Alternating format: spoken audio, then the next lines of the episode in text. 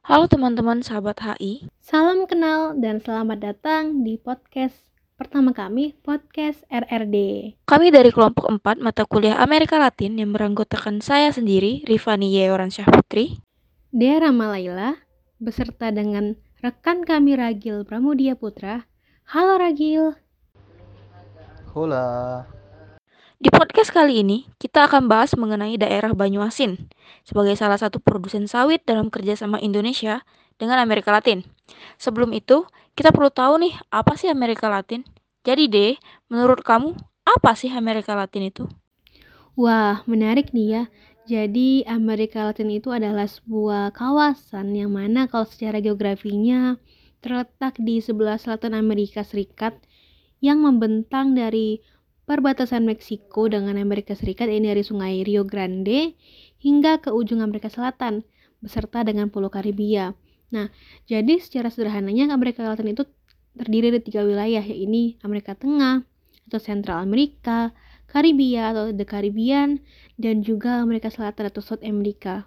Terus kenapa sih namanya Amerika Latin? Jadi kalau kita kilas balik lagi nih dalam sejarah ya, jadi nama Amerika Latin itu berasal dari bahasa Perancis yaitu Ameriku Latin yang dipopulerkan pada 1860-an nih oleh Napoleon III.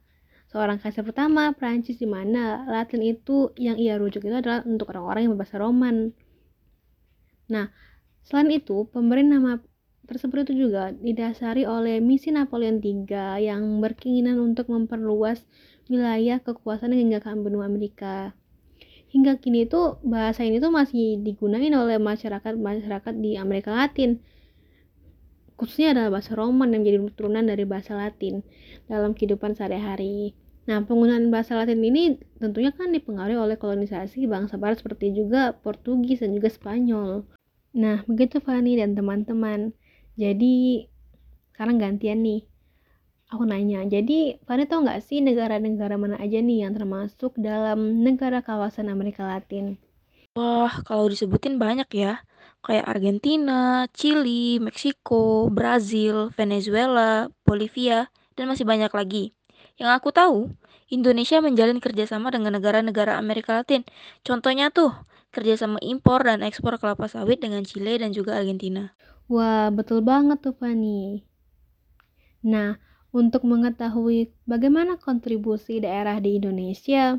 Dalam hal ini, Ragil selaku perwakilan kelompok 4 akan mewawancarai secara langsung nih dengan salah satu bagian dari Dinas Perdagangan Banyuasin. Bagaimana Ragil siap? Oke, siap meluncur. Baiklah, Assalamualaikum warahmatullahi wabarakatuh.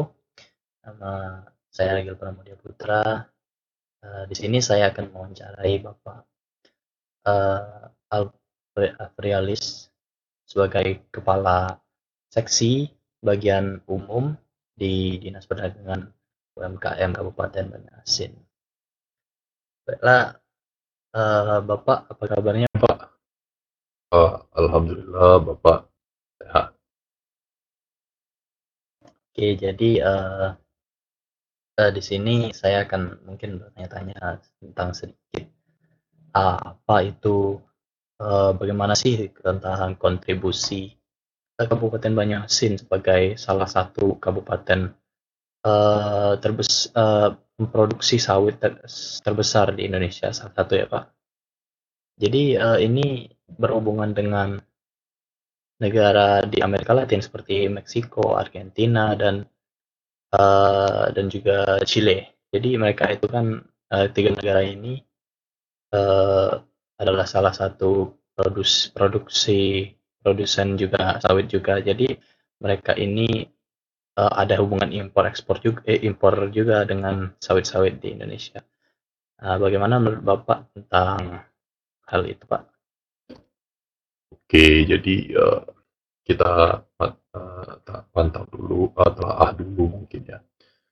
Jadi Kabupaten Banjarmasin ini memang salah satu produksi produsen uh, sawit terbesar di Indonesia. Jadi kita juga berkontribusi uh, menuju ke Palembang, Sumatera, dan juga uh, dari Sumatera Selatan ke uh, pusat ke ya, untuk diimpor ke negara-negara lain.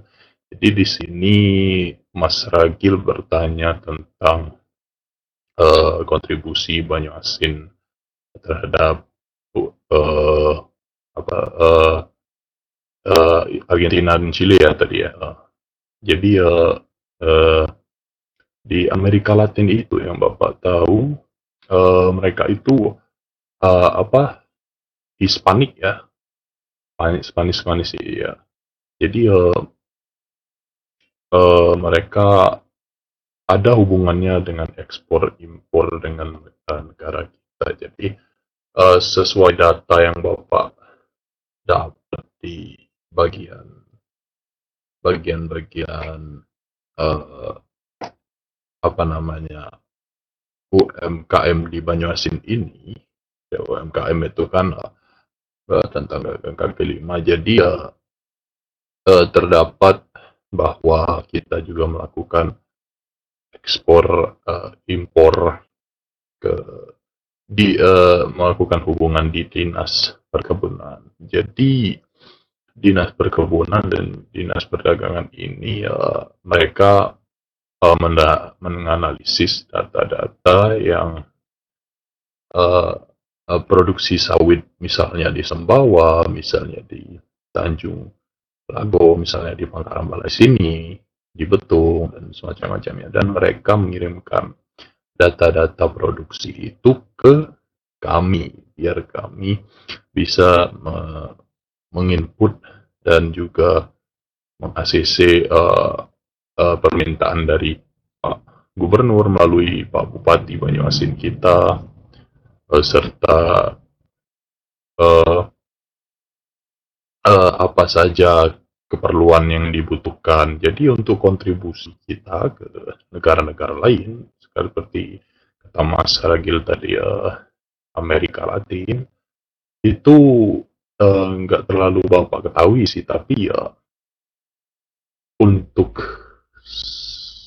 ke negara-negara seperti uh, Meksiko uh, sesuai data-data pusat kita udah kontribusi kerjasama lah ya dari uh, Kementerian uh, Dinas Perdagangan Pusat, Kementerian Dagangan Pusat kita udah kontribusi sebesar 15% ke negara-negara mereka. Jadi gitu mungkin Mas Ragil. Oke, jadi uh, untuk dari Banyuasin sendiri udah ada kontribusinya Pak ya. Jadi uh, melalui hmm, melalui melalui uh, order atau permintaan dari uh, pusat kemudian ke gubernur, kemudian ke bupati dan juga dinas perkebunan serta menuju ke dinas perdagangan ini ya Pak. Uh, gitu. Uh, iya, iya, iya. Seperti itu. Jadi ya dari dari atas ke bawah kayak gitu. Oh oke okay, oke okay, oke. Okay. Jadi uh, pertanyaan saya selanjutnya Pak ya. Uh, menurut Bapak uh, kerjasama antara di produksi sawit ini apakah ada benefitnya dengan Indonesia atau uh, nggak ada Pak? Oke jadi untuk benefit benefit itu manfaat ya uh, ya jadi uh, untuk benefit itu sendiri kita misalnya Meksiko Meksiko Argentina ya, uh, dan Chile juga. Jadi ya, ketiga negara ini yang kata Mas Ragil tadi mereka uh, impor uh, impor sawit dari kita juga ya. Malah mereka juga produksi sawit tapi lebih banyak impor uh, dari kita. Seperti halnya kita banyak produksi nasi, uh, produksi beras, tapi kita masih impor gitu. Jadi ya uh, seluruh kerjasama itu pasti ada timbal baliknya. Di Indonesia ini sawit uh, uh, di uh, di bukan di Indonesia ya di Argentina atau di negara-negara itu dia memakai sawit itu sebagai biosolarnya. Jadi biosolar ini sebagai bio biofuel atau uh, pengganti bahan bakar untuk kendaraan mereka. Jadi mereka itu sangat common sekali untuk memakai memakai uh, seperti uh, alternatif alternatif bahan bakar. Jadi uh, untuk mereka sebuah sesuatu yang penting bagi uh, untuk negara mereka dan, dan benefitnya ke Indonesia kita juga dapat uh, uh, kita dapat benefit seperti halnya uh, uh, seperti halnya B2B apa itu? Lupa tapi ya B2B ini uh, kayak uh, penandatangan suatu MOU antara Indonesia dan Meksiko. Jadi uh, waktu itu tahun kemarin kalau nggak salah. Uh, jadi kita dan uh, negara Meksiko uh, dapat uh, suatu proyek imbal dagang dengan Meksiko. Jadi untuk kita ke sana uh, kita produksi sawit misalnya pupuk atau semacamnya pupuk batu ara atau batu kelapa rempah-rempah seperti itu uh, kayu manis dan itu uh, uh, kita menawarkan uh, mengekspor ke sana.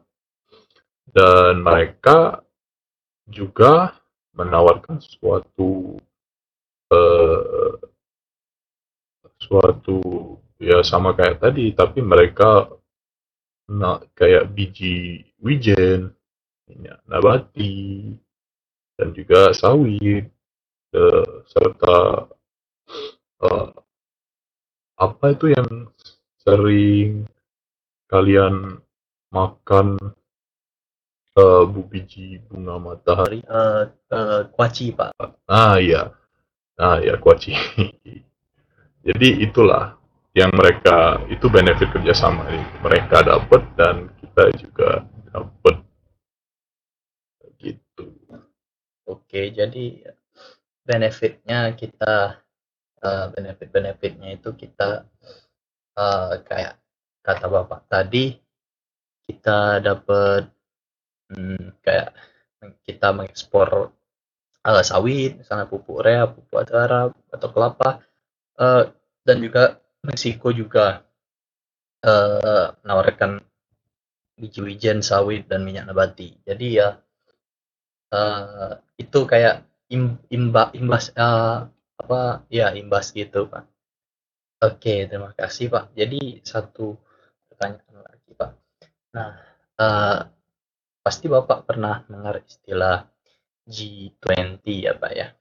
Uh, G20 ini presidensi yang udah lewat kemarin di Bali. Jadi uh, didatangi oleh negara-negara uh, presidensi presiden-presiden luar negeri yang uh, yang udah termasuk dalam negara G20. Jadi uh, uh, kemarin juga ada presiden Meksiko.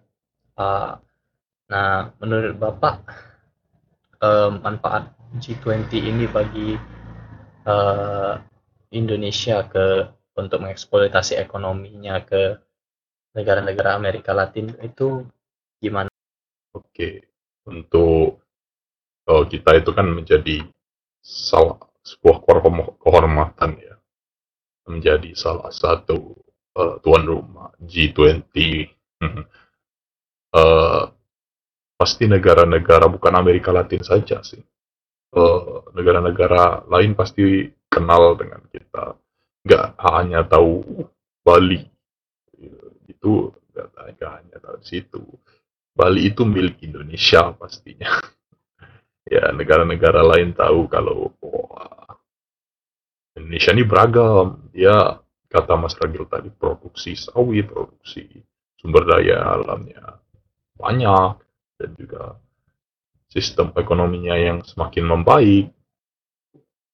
Ya kita harus bangga untuk itu. Dan juga dampaknya untuk Indonesia ini sangat positif kalau menurut di mata-mata dunia khususnya di Amerika Latin banyak-banyak investor asing pasti dari negara-negara itu. Banyak juga uh, yang tertarik untuk investasi ke perusahaan-perusahaan Indonesia. Dan juga banyak juga yang pasti mau datang ke uh, turis-turis luar negeri itu datang ke Indonesia. Dan banyak banyak negara-negara di Amerika Latin sana sana yang belum tahu. Wih tuh pasti oh, rupanya Bali itu milik Indonesia ya. Kayak gitu pasti. Karena mereka uh, selama ini tahu kalau Bali ya Bali. Kayak gitu. Uh, in iya banyak sekali positif positifnya uh, untuk mungkin sebuah kehormatan untuk uh, menjadi tuan rumah presidensi G20 dan benefitnya sangat banyak sekali untuk uh, negara negara Indonesia. Oke. Oh, oke banyak sekali ya Pak positif-positifnya. Jadi uh, pasti investor-investor investor-investor asing mau investasi ke PT-PT uh, perusahaan-perusahaan Indonesia ya Pak. Oke, mungkin itu saja ya Pak wawancara kita pagi ini. Terima kasih banyak Pak Aprialis atas uh, telah memberi kesempatannya untuk mewawancarai uh, diwawancarai. Jadi uh, mungkin akan kami upload ke YouTube rekaman ini Bapak bisa melihatnya. Jadi uh, terima kasih banyak ya Pak. Uh, okay. uh, mungkin itu saja Pak ya. Oke, okay, baik. Uh, makasih juga karena Bapak juga jarang di wawancara gini. Apalagi ya sama mahasiswa HI bapak juga kaget kalau uh, kemarin Mas Ragil datang. Dan juga antusiasme untuk mewawancarai tentang luar negeri ini. Harus mahasiswa seperti kalian itu harus. Itu. Jadi uh, terima kasih banyak Mas Ragil. Iya, iya Pak. Uh, terima kasih juga Pak ya Mungkin itu saja teman-teman. Terima kasih telah mendengarkan rekaman video kami. Uh, kami uh, saya Hairi. Wassalamualaikum warahmatullahi wabarakatuh. Wah, berarti ada banyak sekali ya kontribusi dari produksi sawit ini dan juga potensinya kalau kita Indonesia ini melakukan kerjasama perdagangan dengan negara-negara kawasan Amerika Latin seperti Chili tadi, Argentina, dan juga Meksiko, dan juga negara-negara Amerika Latin lainnya. Betul banget nih, deh. Aku sendiri jadi lebih banyak belajar dan menambah pengetahuan tentang hubungan Indonesia dan juga Amerika Latin ini yang pastinya sangat menguntungkan. Wah, mantep banget nih. Oke, kalau begitu, terima kasih ya Ragil atas informasinya. Nah, teman-teman, semua udah bisa mengerti kan gimana besarnya kontribusi penghasilan sawit daerah untuk Indonesia? Oh, pastinya udah dong. Nah, teman-teman, Gak kerasa ya kalau udah sampai di penghujung podcast ini. Kalau begitu, kami juga dari kelompok 4 sekian pamit undur diri dari podcast pertama kami kali ini. Gak lupa kami ucapkan terima kasih banyak kepada Bapak Dr. Andus Haji Afandi Aprialis, SPD MPD, yang telah meluangkan waktunya bersama kita semua ya teman-teman. Kalau begitu, kami tutup Sekian dan ayo bertemu lagi di lain waktu. Bye bye.